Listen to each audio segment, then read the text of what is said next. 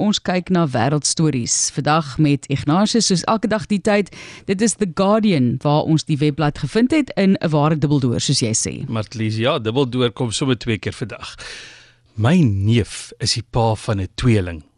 Hy's ook 'n boer, so hy boer vooruit. En toe is dit weer sulke tyd. Sy vrou gaan dokter toe soos wat mens maak om te kyk dat alles reg is met die swangerskap.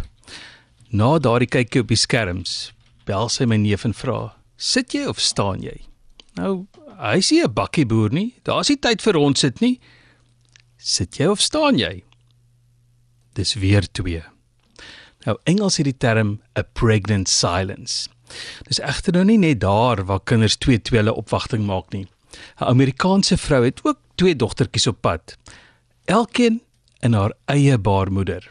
Al ma die 32-jarige Kelsey, wag vir dit Martelies, Hatcher het eers van haar seldsame dubbeldoor baarmoeders uitgevind toe sy hoor die tweetjies is op pad. So sissies, maar is dit 'n tegniese tweeling? Hulle gaan nie eens noodwendig 'n geboortedag deel nie. Elke baarmoeder kan op haar eie tyd besluit dis tyd.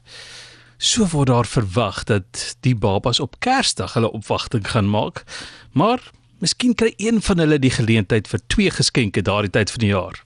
Wag net 'n dag of wat. Ek, ek raak moeg namens die arme mense. Jy weet, dis 'n seëning, maar joh, sterkte sterkte met daai sake.